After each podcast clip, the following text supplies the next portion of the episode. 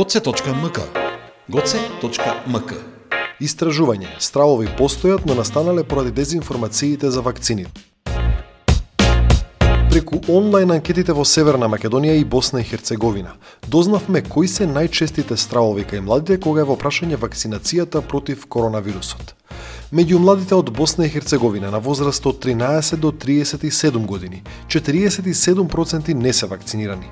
Најголем процент, дури 21,1 не се вакцинирани, бидејќи стравуваат за своето здравје после вакцинирањето. Епидемиологот од Институтот за здравје и безбедност на храната во Зеница, Санела Бечик Пекмик, вели дека загриженоста и стравовите кај младите се оправдани само во мал дел, но студиите покажуваат дека вакцините се безбедни и дека не се направени за кратко време како што сметаат луѓето. Вакцина против COVID-19, оне су, то су вакцине кои не нису настале на брзину. Многи ќе рече да су настале брзо, значи не. Тие вакцине су се само надовезале на претходна клиничка истраживања. С друге страни, уложена су много, много новаца, jer svi su, znači, da, to je pandemija koja je sve stalo u tom momentu i zapravo svi smo se angažovali, jel, kako bi pronašli nešto da će svima biti bolji. S druge strane, javio se veliki broj dobrovoljaca koji će učestvovati, što nije slučaj sa vakcinama koje se inače pravi. Tako da, a, vakcine su sigurne, vakcine su efikasne, Uh, vakcine štite. Nijedna vakcina ne može zaštititi 100%, niti jedan lijek vam neće Uh, garantovati da vam se ništa od toga neće desiti. Nuspojave postoje, nuspojave, uh, svi znači dokumenti o vakcinaciji koji postoje, oni su javno dostupni. Uh, mladi čega se boje? Mladi se boje um, ono što smo mi koja imamo jeli, iskustva što, što pokazuju da mladi Eh, vakcine mogu uzrokovati sterilitet, vakcine mogu uzrokovati miokarditis, vakcine mogu uzrokovati trombozu. Eh, ja vam zasigurno eh, mogu reći da u Bosni i Hercegovini dosta stiglo preko 3,5 miliona vakcina. Prija, mi prijavljujemo sve nuspojave Agenciji za lijekove medicinska sredstva Bosne i Hercegovine, a agencija prijavljuje Svjetskoj zdravstvenoj organizaciji. Ono što mi prijavimo, mi prijavimo kao sumnja. Dalje, agencija prosljeđuje, prosljeđuje svjetskoj zdravstvenoj organizaciji i traži se, jel, nakon toga se provode istraživanja kako bi mi dokazali da li je to zaista uzrokovano. Jer nus pojave ne mogu, ne moraju samo biti uzrokovane vakcinom. Nešto postoji što se zove vremenska korelacija. Znate, e istog razloga vi ako primite to ne znači da je vam uzrok vakcina. E, kao što sam rekla, 745 je došlo prijava, prijavljeno je u agenciji za lijekove, od tih 700 i nešto prijava, samo 34 je prijavljeno kao teže nuspojave, znači da će se dalje proći, kao, da će doći u sistem ispitivanja.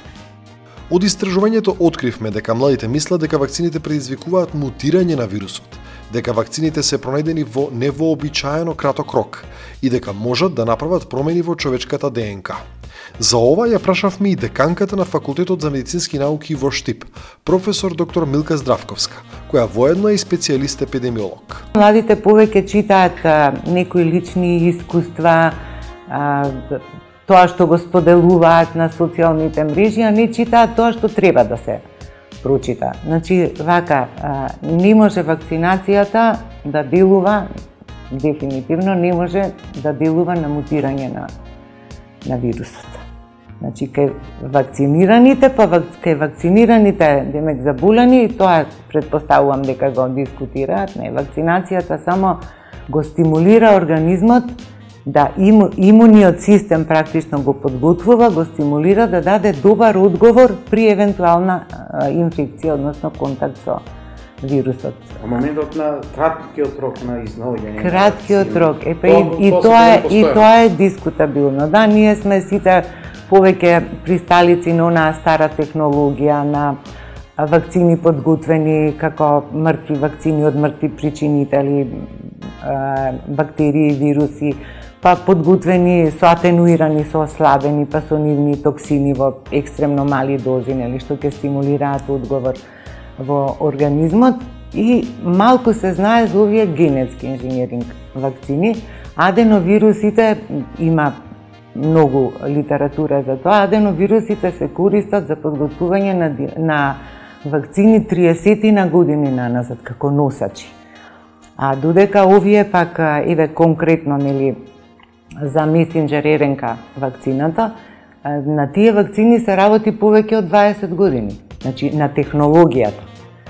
И тоа не е сега подготвена, сега измислена или или најдена технологија, значи тоа истражувањата се наназад и да генерализираме 20 до 30 години наназад.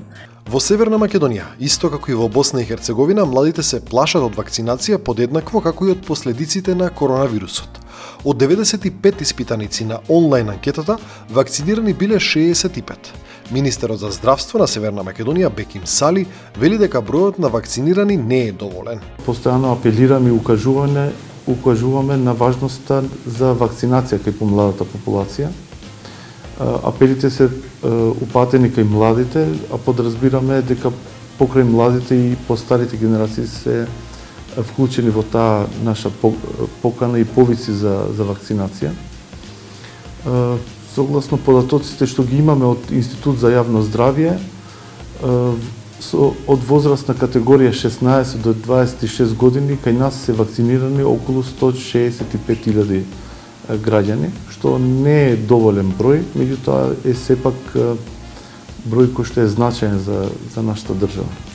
Па да, јас за таа цел лично јас се вакцинирав за да дадам порака дека вакцинацијата е безбедна и сигурна и заедно со студенти од фармацевтски, медицински и стоматолошки факултет во кампусот на Универзитетот Кирил и Методи заедно со ректорот Никола професор Никола Јанкуловски и професорката Александра Грозданова, која што ние е национален координатор за имунизација, ја дадовме пораката дека науката поддржува вакцинација и да, дека министерот лично ја прими третата доза бустер. И со цел доближување на можности за вакцинација до младите, ние имаме и овозможено, односно основано вакцинален пункт во самиот кампус, на УКИМ, така да секој заинтересиран, секој во текот на секој работен ден може да се вакцинираат во таа точка. Изборот е индивидуален, но научните сознанија и докази укажуваат дека се спречуваат тешки компликации и оваа инфекција не бира возраст и може да заврши фатално. Така да ние постојано повикуваме на вакцинација Во моментот во теке поширока кампања за имунизација и, и на различни групи, возрастни групи. Се подразбира и помладите се опфатени, особено помладите кои што имаат некоја хронична болест, затоа што според нашите анализи поголем број на граѓани, околу 260.000 наши граѓани се на возраст над 65 години со хронична болест, за, што за нас, според нашите податоци, вела дека таа група е во ризична група на, на пациенти кои што потенцијално може да бидат да завршат и со хоспитализација. Младите сметаат дека вакцината не им е потребна. Младите сметаат дека се здрави и дека тоа е доволна заштита од коронавирусот. Тоа е докажано и преку онлайн анкетата во Босна и Херцеговина, каде 6,2% од младите рекле дека не им е потребна вакцина. Од друга страна, стравот од тромбоза и стерилитет, кои се појавија после првите вакцини, се меѓу првите на листата на стравови од вакцинација против коронавирусот. Епидемиологот Бечик вели дека во Босна и Херцеговина стигнале 3,5 милиони вакцини, а забележени се 34 случаи на нуспојави. Што се тиче uh, тромбозе, вакцине кои су на, за кои се веже тромбоза, то су вакцине кои су настале uh, вакцине заправо кои су čiji su proizvođači AstraZeneca, vakcina koja je bila na našim prostorima, tromboza je moguća. Tromboza, ali su istraživanja pokazala da je 3000 puta veći rizik da ćete dobiti trombozu nakon infekcije nego nakon vakcinacije. Vi trombozu možete dobiti uh, osobe koje su pretile, osobe koje imaju, koje puše, ukoliko let traje duže od 4 sata, žene koje koriste or oralne kontraceptive, sve nosi rizike, zaista.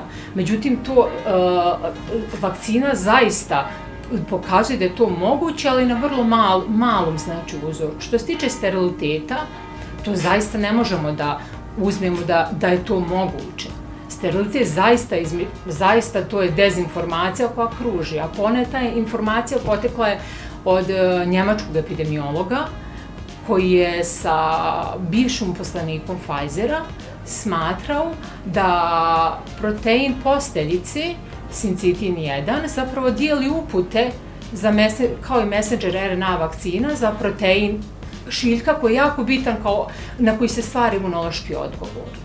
Međutim, brojni uh, imunolozi i brojni naučni i naučnici zaista nisu mogli da tu informaciju uh, shvate relevantno, jer to bi onda značilo da i ljudi koji su oboljeli, da imaju mogućnost da, e, da će jel, stvoriti, da će imati problema sa začećem, da će doći do steriliteta, što nije tačno. I na osnovu toga uh, zaista provedeno istraživanje koje je pokazalo, koji su pratili parove odnosno objavljeno u časopisu mm, American Journal of Epidemiology, gdje je rađeno istraživanje na 2000 mladih bračnih parova. Istraživanje pokazalo da parovi koji su primili jednu ili dvije doze vakcine, da zaista nisu imali problema sa začećem, odnosno rađe, tu je rađena prospektivna kohortna studija, znači praćeni su godinu dana, a, nisu imali problema sa začećem. Žene koje su preboljele COVID-19 takođe nisu imale problema sa začećem, dok su muškarci, odnosno bračni parovi, u tom periodu 60 dana nakon preboljele infekcije COVID imali nešto manji postotok vjerovatnoće začeća. Međutim, to je vrlo kratko, posle toga sve je bilo o, u redu. Преку истражувањето дознавме и дека еден од стравовите на младите им е тоа дека вакцините влијаат на идната бременост. Со ова воопшто не се согласува деканката на медицинскиот факултет при Универзитетот Гоце Делчев од Штип. Напротив, таа вели дека истражувањата покажуваат дека трудниците се со поголем ризик од лош исход како резултат на инфекција од COVID-19. Јас воопшто не се согласувам со тоа нешто. Во почетокот сите бевме скептици и јас бев дефинитивно и лично за мене да кажам дека бев скептик, меѓутоа треба да се следат истражувањата и сите наши еминентни стручњаци што излегуваат и нели говорат на оваа проблематика веќе две години, а, мислам дека го делат мислењето дека сите треба да се вакцинираме, па посебно ако се млади здрави а, лица. И сега за девојките ние викаме општо прифатено е таа во светот дека репродуктивниот период го рачунаме никаде од 15 до 49 години. Рачунаме дека тоа е нели така популација за женска популација во репродуктивен период, а треба да се заштитат. И не гледам, тие се дел од општата популација и мислам дека апсолутно не постои, барем јас не сум прочитала нешто, дека вакцинацијата може да направи некакви проблеми во однос на идното планирано мајчинство, односно бременост. А, дури во однос на бремените жени, како една популација кога, која е многу осетлива, ригидна популација, има многу студии за тоа нешто а, и испитувани се а, ризиците кај бремените жени и исходот а, додека е жената бремена, нели, ако добие а, одредена инфекција, нели, COVID инфекција. Има една, јас еве на сите што што се скептици би им препорачала има еден систематичен преглед објавен во ова списание со висок импакт фактор британско списание можат слободно да влезат, значи пуштено е слободно да се чита, тоа е систематичен преглед кој дава анализа на вкупно 192 студии работени за бремени жени, за ризикот во однос на пандемијата и заразувањето со COVID кај бремени жени, правена е компарација кај бремени жени и жени од репродуктивен период. 192 студии се направени, вклучени се над 67.000 испитаници, работи многу голем тим на тоа нешто, собирани се материјали од некаде септември 2019 до крајот на октомври 2020. Што е тој систематичен преглед? Значи, правена е компарација на сите добиени резултати од тие 192 студии. Има преку 50.000 референци во тој систематичен преглед, од кои како невалидни биле над 20.000 статии, односно трудови отфрлени ради дупликација или, или одредени нелогични резултати. Чи што е таму добиено? Дека некаде голем процент од бремените жени одат и асимптоматски. Зошто? Затоа што и тие се дел од општата популација. Зависи како одговара имуниот систем, има четири одговора на имуниот систем. Ако нема одговор, ќе оди асимптоматски. Значи и бремени жени одат голем процент, некаде повеќе од 10% асимптоматски. Но, а тие што ќе добијат симптоми, визави оние што се нели во репродуктивен период а не се бремени, доколку не се вакцинирани, имаат многу потешка клиничка слика, најголем дел од нив се хоспитализирани и многу голем процент се завршени со, со смрт, односно летален е исходот. Интересно е што според истражувањата да се покажа дека резерви во врска со вакцинацијата имаат и студентите по медицина во Северна Македонија. Една од причините може да биде и недостапноста до релевантна стручна и научна литература. Министерот за здравство на Северна Македонија Беким Сали вели дека ова досега не го гледале како проблем, но дека ќе се консултира со стручни лица и со студентските организации и ќе овозможи достап до стручна литература ако тоа биде потребно. Досега не сме имале некоја забелешка од научната јавност во однос на достапноста до научни трудови, но ја разгледал ја разгледуваме оваа оваа можност заедно со стручните лица од фелата, затоа што Комисијата за заразни болести на и Комитетот за имунизација, значи ние сме во постојана комуникација со двете тела и доколку се утврди дека ова представува некој одреден предизвик, верувам заеднички ќе најдеме што е можно подобро решение да овозможиме информација од научни трудови да бидат подостапни за студенти кои што се наши идни колеги, наши лекари. Сметам дека релевантните информации од стручните публикации досега се јавни и лесно достапни тоа сепак ние сме на располагање на студентите и на сите специализанти млади кои што имаат потреба од повеќе информации Како што кажав, еве уште еднаш ќе ја разгледаме таа можност да соработуваме потесно со со студенти, односно со Унија на, на студенти по медицина, за стоматологија и фармација, а секако во постојан контакт сум и со младите специализанти. И порака до нив е да им веруваат на стручните лица, да се информираат од релевантни извори на информации, како што се министерствата и други институции кои што се релевантни, а не само преку социјалните мрежи, кои во најголем дел користат и нестручни, непроверени факти и пред се лажни информации. Во другите делови на Балканот, во Зеничко до Бојскиот кантон, исто така активно се работи на обучување на луѓето, но и едукација на населението за вакцините, нивните ефекти и нуспојави. Санела Бечик од Институтот за здравје и безбедност на храната ни објасни за какви активности се работи. Ја ќе се овде prije svega osvrniti на наш кантон, односно tačnije на нашу установу. Од same пандемије, kod, koja, која koja već uzmali две, dvije, preko dvije mi smo znači počeli sa edukacijom e, zdravstvenih radnika, Znači, svima nam je bilo novo kako ćemo čuvati vakcine, kako ćemo aplicirati vakcine. Vakcine se čuvaju na drugačijoj temperaturi, posebno ruske vakcine, Sputnik. Znači, e, svi smo e, edukovali se, u to vrijeme pružali smo dosta online sastanaka, a što se tiče generalno stanovništva, naša služba za promociju zdravlja radila je letke gdje smo jel, pokušavali objasniti prednosti vakcinacije, da je bitno da se vakciniše veliki broj stanovnika kako bi postigli efekt kolektivnog imuniteta. Zatim, naša služba za školsku higijenu, odnosno moje kolege, uh, vršili su edukaciju uh, mladi kroz srednju školu, držali su predavanja, jel, kako bi im pojasnili značaj, značaj i važnost vakcinacije. Mi kao, moja zapravo služba, služba za epidemiologiju, ka, vršila je vakcinaciju, uh, mladih, odnosno bilo koje, odnosno ustanove koje su, koje su jel, gdje imamo veliki broj uposlenih, kako bi smanjili izloženost i samim tim smanjili jel, funkcionisanje normalnih obaveza.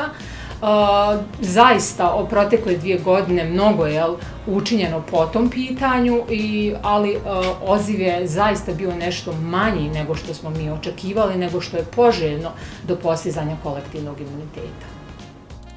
После почетокот на епидемијата со коронавирусот, целиот свет се соочи со непознатата болест, која е особено комплицирана поради начинот на трансмисија, периодот на инкубација, како и симптомите кои не се специфични само за овој вирус. Поради непознавањето на самиот вирус и неговите ефекти се појавија низа предпоставки, а предпоставките се претворија во верувања. Денес се соочуваме со многу погрешни верувања за самиот коронавирус, но и за вакцините против COVID-19. Истражувањето продолжува за тоа како настануваат лажните вести, колку е тешко да се креираат и да се шират, како лажните вести се ширеа за време на светската пандемија.